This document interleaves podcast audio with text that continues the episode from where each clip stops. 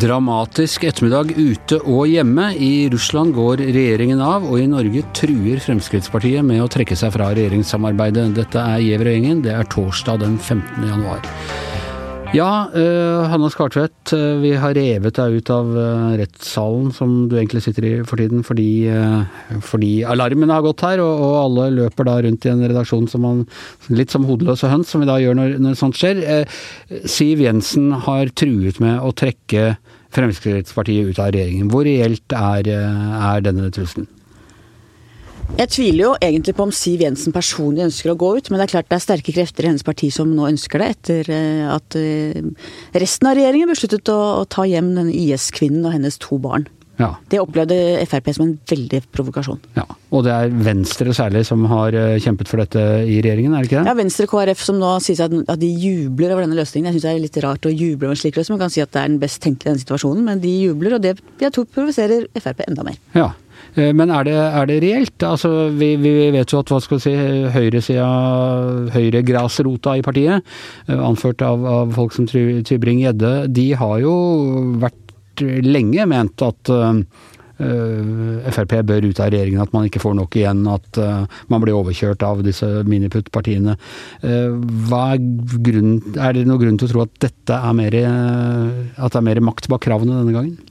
Det er klart det er farlig å svare klart på henne, for vi har jo fasiten om en liten stund. Akkurat nå sitter jo Frp i gruppemøte, men jeg personlig tror ikke at Frp går ut. Men jeg tror at de bruker denne anledningen til å stille mye sterkere krav. Det har jo Siv Jensen sagt over. De vil ha store politiske seire.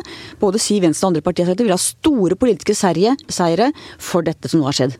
Og den, det er den typen symbolsak òg som blir litt ekstra viktig. Vi, vi hørte nå uh, i går, var det vel, at, at nå er det liksom mulla Krekar. Det er ennå en ny runde på, på, om han skal ut. Det var en av de store liksom Siv Jensen skulle ikke sette fra seg veska engang eh, da hun kom inn i regjeringskontorene før hun, hun kasta ut Krekar. Uh, og, og nå er det altså å få hjem denne kvinnen som har, eh, har, vært med i IS og, og barna hennes. Men er det så Hvorfor er det så forferdelig eh, for Fremskrittspartiet å få hjem et eh, Det er tross alt barnet det dreier seg om, det er ikke denne kvinnen først og fremst som har vært viktig for regjeringen å, å få hjem? Dette har jo blitt en veldig splittende symbolsak.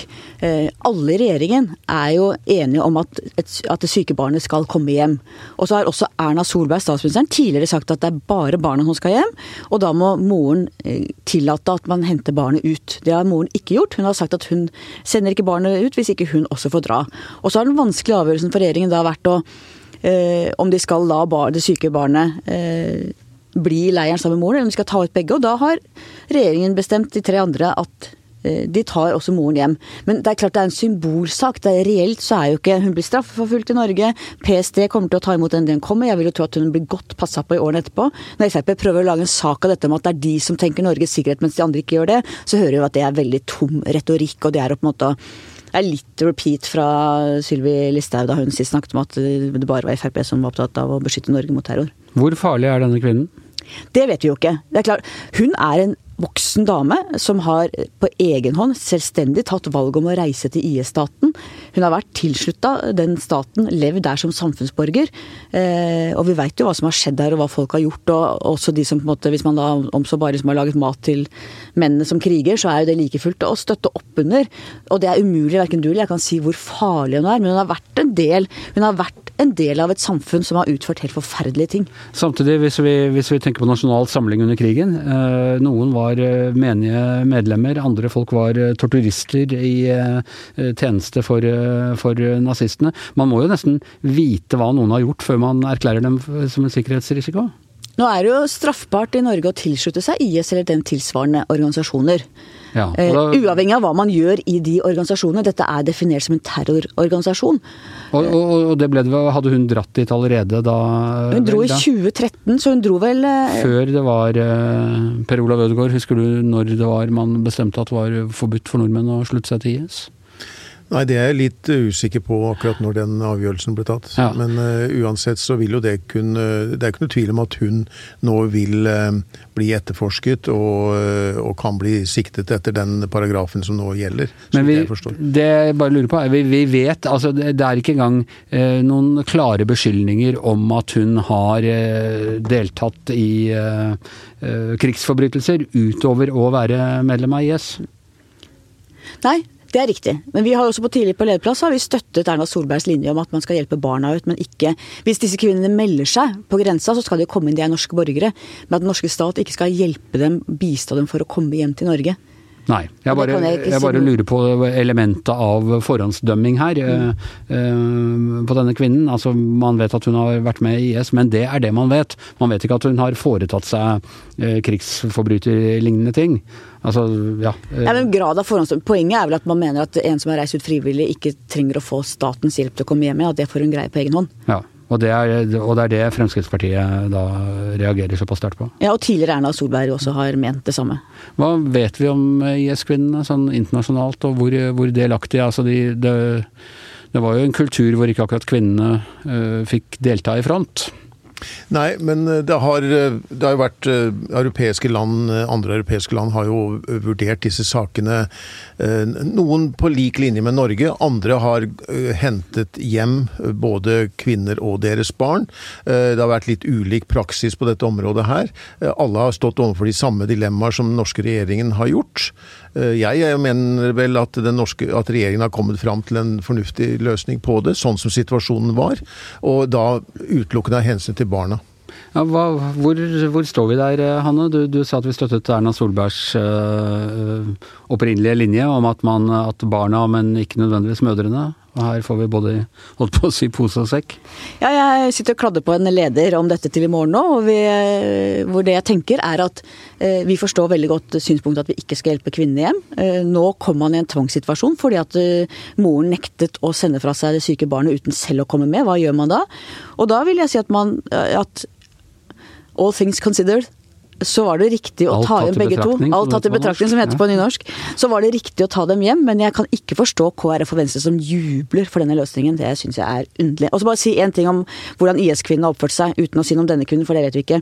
Men det er en kjent sak at mange av IS-kvinnene hadde jesidi-kvinner som slaver, andre som slaver. At de har vært vel så grusomme og hatt en indre justis i leiren, hvor de liksom mest si, rettroende IS-kvinnene har kjørt en indre justis med også brutale fysiske avstraffelser. Så jeg tror ikke dette er noe gjeng med verdens kuleste damer, for å si det sånn. Så har jo også en del av de deltatt i den propagandakrigføringen, om du vil, som de har drevet eh, på, på nett. Og jeg, jeg, kjenner heller ikke hva denne, denne, kvinnen har gjort i så måte, men, men, mange har jo deltatt på ulike nivåer i dette. Og eh, jeg tror jo det var bra at Norge i sin tid fikk en paragraf eh, på plass som gjorde at man kunne straffefølge medlemskap i en sånn organisasjon. fordi Eh, Fremskrittspartiet snakker jo nå veldig mye om eh, alt hva IS har gjort og alle de, de, eh, de ting de har stått for. Og, det, og, På det spørsmålet er det jo heller ingen diskusjon. Vi vet alle hvilke overgrep og hvilke krigsforbrytelser og alt som de har begått der nede. så Derom er det ingen som helst tvil. Men jeg mener jo at de har kommet fram til at altså, de som i hvert fall er uskyldige i denne sammenhengen, er barna til disse kvinnene. Men når, da, når, hun da skal hjem og, og da forhåpentligvis stilles for en, en, norsk domstol, så er det jo ikke Kjører vi jo ikke shariadomstoler i Norge, da må vi jo legge fram eh, bevis. Og, og da, er det, da, er det, mulighet til å stille med motbevis og sånne ting. Uh, så vi Og det er vel ikke med mindre det kommer fram helt spesielle ting, helt spesielle vitner, så er det vel kanskje ikke grunn til å tro at det vil bli noe særlig annet enn selve medlemskapet hun vil eh, kunne bli tiltalt for. Dette vet vi jo ingenting om akkurat nå. ikke sant? Dette vet vi virkelig ingenting om.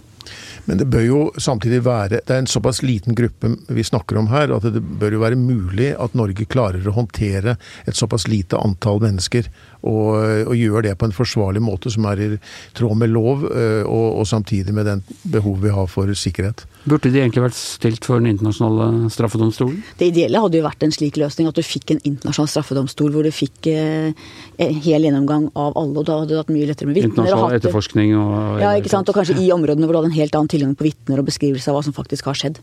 Men det er vanskelig rent praktisk når vi ser hvordan tilstanden er i disse områdene. Ja, og det som har skjedd i, så vidt både i Syria og Irak i senere tid, har gjort at situasjonen i disse leirene har blitt enda mer usikker og enda mer press. Enda vanskeligere å se for seg at man kan klare å gjennomføre et, et slags internasjonalt eh, rettsoppgjør under de forholdene som er eh, i, i de landene nå. Men bare for å ta da den norske varianten, hvor eh, lang tid vil Frp bruke på å avklare dette, tror du Hanne? Skal, det, skal dette være en thriller noen dager, eller er det dette gruppemøtet som pågår nå som kommer til å det kommer jo helt an på stemninga i partiet, og i hvilken grad Siv Jensen klarer å roe det ned. Hun har jo interesse av både å skjerpe frontene veldig for å få større gjennomslag og vise både velgerne og partiet sitt at hun står på for saka, men hun ønsker jo heller ikke personlig å gå ut av en regjering. Hun elsker jobben som finansminister, og hun tror jeg altså elsker FrPs rolle som et ansvarlig regjeringsparti. Ja, da skal vi til utenlandsk regjeringsdramatikk. For uh, push-varslene som ramla inn her rett før vi skulle i studio. Først fikk vi vel beskjed om at uh, Russlands statsminister Medvedev uh, skulle gå av. og så kom beskjeden om at hele den russiske regjeringen skulle gå av. Medvedev han var vel altså først statsminister i Russland, så ble han satt inn som president noen år. da, da Eh, da, mens Putin, da Putin egentlig hadde sittet ut så lenge som han kunne. Og så forandret triksa man, lirka man litt til med grunnloven og sånn, sånn at Putin kunne komme tilbake. Og egentlig har da Putin vært den som har bestemt eh, hele tiden, og Medvedev er da tilbake i rollen som statsminister. Men har han nå falt i unåde, mm, Per Olav, eller er det andre ting som har skjedd?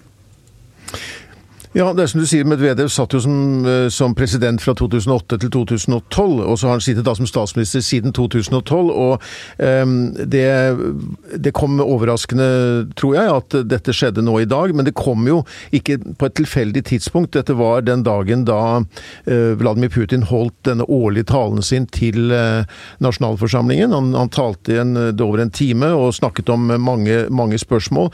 Um, men det han, et av de sentrale temaene var jo det at han gikk inn for endringer i Grunnloven. Altså, og de endringene er vel egentlig av det gode, sånn på papiret i hvert fall? Altså han, han, han, sier jo da at han ønsker at uh, de folkevalgte i um, parlamentet uh, skal være de som uh, får mulighet til å utnevne statsminister og regjeringsmedlemmer. Det er noe som presidenten til nå har gjort. Det er, litt, det er innføring av parlamentarisme i Russland, da, litt sånn 1884? Men presidenten vil fortsatt ha en veldig Han vil fortsatt ha makt til å kunne f.eks. da gi en statsminister sparken eller avsette en regjering.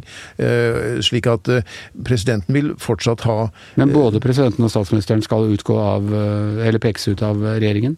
Presidenten blir jo også valgt i et eget, eget valg, og nå er det slik at nå har Putin da fullstendig dominert russisk politikk i 20 år, ikke sant. Han har jo, er inne i sin fjerde periode som, som president. Han må etter Grunnloven gå av i 2024. Og det er jo et stort spørsmål hva som vil skje eh, da, i disse nærmeste årene. Grunnloven skulle han egentlig gått i 2008, var det ikke sånn? Ja, men så har de forandret på dette underveis. Ja. Og, så, og, han sa heller ikke noe i dag om sin egen fremtid, eller hvordan han ser for seg um, Han er jo nådd en pensjonsalder av 67 år, Putin, men, men, han har ikke liksom pensjonert seg selv på noen som helst måte. Han skal jo sitte i fire år til. Hva som skjer deretter, er ikke godt, vet vi ikke. Men han har jo da nå gått inn for endringer. Ehm, Medvedev da ga da uttrykk for at han går av for å gi Putin rom for å gjennomføre disse eh, endringene i Grunnloven. De skal da antagelig legges fram som en folkeavstemning. Um, og, eh, men, men, men, det er er, Men Medvedev blir sittende inntil videre? Det forstår jeg at det er det som er, at han blir bedt om å fortsette inntil videre, inntil en ny regjering er på plass. Så spørsmålet om det vil da skje før dette parlamentsvalget som skal være neste år. Det er kanskje en del av dette bildet også at det partiet som disse to representerer, og Medvedev har jo vært en, en, uh, har hele tiden blitt oppfattet som en, uh, en meget lojal mann uh, for Putin. Altså Putins meget lojale medarbeider. Putin sa i dag at han takket, han takket jo Medvedev for innsatsen, men sa at regjeringen hadde ikke oppfylt alle de forventninger som var rettet til den. Nei. Så det var, var, ikke helt det var ikke, no, Han er litt skuffet òg? Litt skuffet også, samtidig. Um, så um, det er um, vi, vi, får se hva dette, hva dette, nå skjer videre i den saken. Men det er jo satt, ting, ting er satt i bevegelse, i hvert fall. Det er en prosess. Ja. Eh, vi står jo, står jo overfor altså de motsatsen da i USA. Du har fulgt med på Eh, debatten blant demokratene som eh, var i, i natt. De begynner, de begynner, å slanke seg ned fra et tjuetalls til nå under ti. Ja, det var bare seks i den Bare seks i, i, den debatten. Og den store greia var jo selvfølgelig nå konfrontasjonen mellom de, den progressive fløyens to representanter, eh, Elizabeth Warren og uh, ja, holdt jeg på å si Warren Betty, men Bernie Sanders. Sanders. Ja. Uh, hvordan, hvordan var tonen mellom dem? Ja, Det ble veldig preget av det at for to dager siden så ble det kjent da at eh, Bernie Sanders i en privat samtale Det ble påstått, må ja, ble påstått, kan man si. At han hadde da sagt at en kvinne kan ikke klare å beseire Trump. Uh, og dette bekreftet jo Warren. Altså Han skal ha sagt det til Warren ja, i en samtale det, hvor bare de to var til stede? Ja, uten ja. noen medarbeidere i nærheten. Uh, så det blir en veldig sånn underlig situasjon i den debatten i natt, hvor, at, uh, hvor Sanders benekter kategorisk at han har sagt det til henne, uh, men hun på en måte kjører videre på at det er blitt sagt. Og hennes store argument Ja. Hennes store argument her er at faktisk kvinner kan uh, ha bedre mulighet til å slå Trump enn en menn har i det feltet der. Hun viser til at av de seks som sto der, så hadde de mannlige konkurrentene hennes tapt ti valg til sammen. Hun og hennes, den eneste andre kvinne der, Amy Eh, Klobuchar. Ja, Klobuchar, med senator fra Minnesota. Hun, de, har begge, de har bare vunnet valg. Men ja. mennene taper, de vinner. Har de vært på valg like mange ganger? Og, og, de viser også til Og det er klart, kvinnelige velgere som stemmer oftere, eller i større grad, enn menn, eh, de vil få et viktig Og de stemmer vanligvis demokratisk, hvis de klarer å mobilisere det i valget i år. Det er også 100 år siden kvinner fikk stemmerett i USA, så det hadde jo passet godt å få en, en kvinnelig president. Warren tar jo sikte på det, og bruker jo dette kortet nå, da, for å Men det er opp, men disse to er egentlig veldig nære politisk. De, har, de, omtaler seg hverandre som venner, men det var ingen vennskapelig stemning etter den debatten i natt. Nei, Det var bare de to som ble stående igjen på podiet til slutt? Og... De ble stående igjen og gestikulere og tok hverandre ikke i hånden. Fra... Og, og, og, en av de som våget seg frem der, en av disse outsiderne, Tom Steyer, som er en forretningsmann som også var med i debatten, prøvde å takke for debatten, men han ble bare stående på sidelinjen der og sa at jeg, jeg vet ikke egentlig hva de snakket om, men jeg forsto bare at her måtte jeg komme meg ut av dette, for det var ikke noe sted hyggelig sted å være. Hva tror du, Hanne? Er eh, amerikanerne klar for en kvinne? Jeg er jo veldig fan av Elizabeth Warren, må jeg si. Jeg syns hun er veldig kul. Uh, Hillary Clinton fikk jo tre millioner flere personstemmer enn Donald Trump sist. Ja, og hun slo jo også Bernie Sanders i ja. primærvalget. Så det vil jeg si ikke er umulig, det er på høy tid. Ja. Men um, vi må vel se på det med litt behersket optimisme, bør vi ikke det? Det er fortsatt Joe Biden som er favoritt, sånn som det ser ut på meningsmålingene. Uh, han uh, har hatt en ganske sånn stabil oppslutning. Gjorde heller ingen uh, spesielt god debatt i natt. Unngikk tabber, og det virker som det er det viktigste. Ja, det er liksom blitt med Joe Biden. Ja, Joe Biden kom gjennom debatten uten tabber. Da er de liksom kjempefornøyde, og da stiger han litt grann, mer blant, blant demokratene. Men de er jo så gamle alle sammen, det er det som er helt slående. Men mange av av de observatørene i debatten mener at Warren uh, kanskje vant debatten i natt. Hun er den som scorer høyest, tror jeg, i gjennomsnitt. Det er litt forskjellige oppfatninger, men hun er den som kom godt ut av det. Det er jo borgermesteren fra Indiana, Pete uh, med det vanskelige navnet Buttigieg, eller hva ja. han heter for noe, som, som, de mener på mange måter vant debatten, men han er sjanseløs likevel. Ja, men han, han, gikk ikke inn i noen egentlig debatt med de andre kandidatene. Han var mer uh, Han snakket om sine egne ting. Gikk ikke inn i noen konfrontasjoner, egentlig. Kanskje fordi at han har en ganske solid posisjon i Iowa. Før dette, altså tre uker, så er det disse partimøtene som er den første testen. da. Ja. Og, og, Jeg tror han var forsiktig med å gå inn i de store debattene, men han, snak, han er en meget veltalende og dyktig debattant. Han er litt sånn type jeg føler kan tenne et håp i Iowa, altså, som slukner igjen i New Hampshire. Men vi får se, det er bare noen uker igjen. Det blir kjempespennende. Men vi kommer til å dekke det tett her i Giæver og gjengen, men nå er vi ferdige for i dag. Eh, per Olav Ødegaard, Hanne Skartveit, Anders Giæver og vår debattleder Magne Antonsen.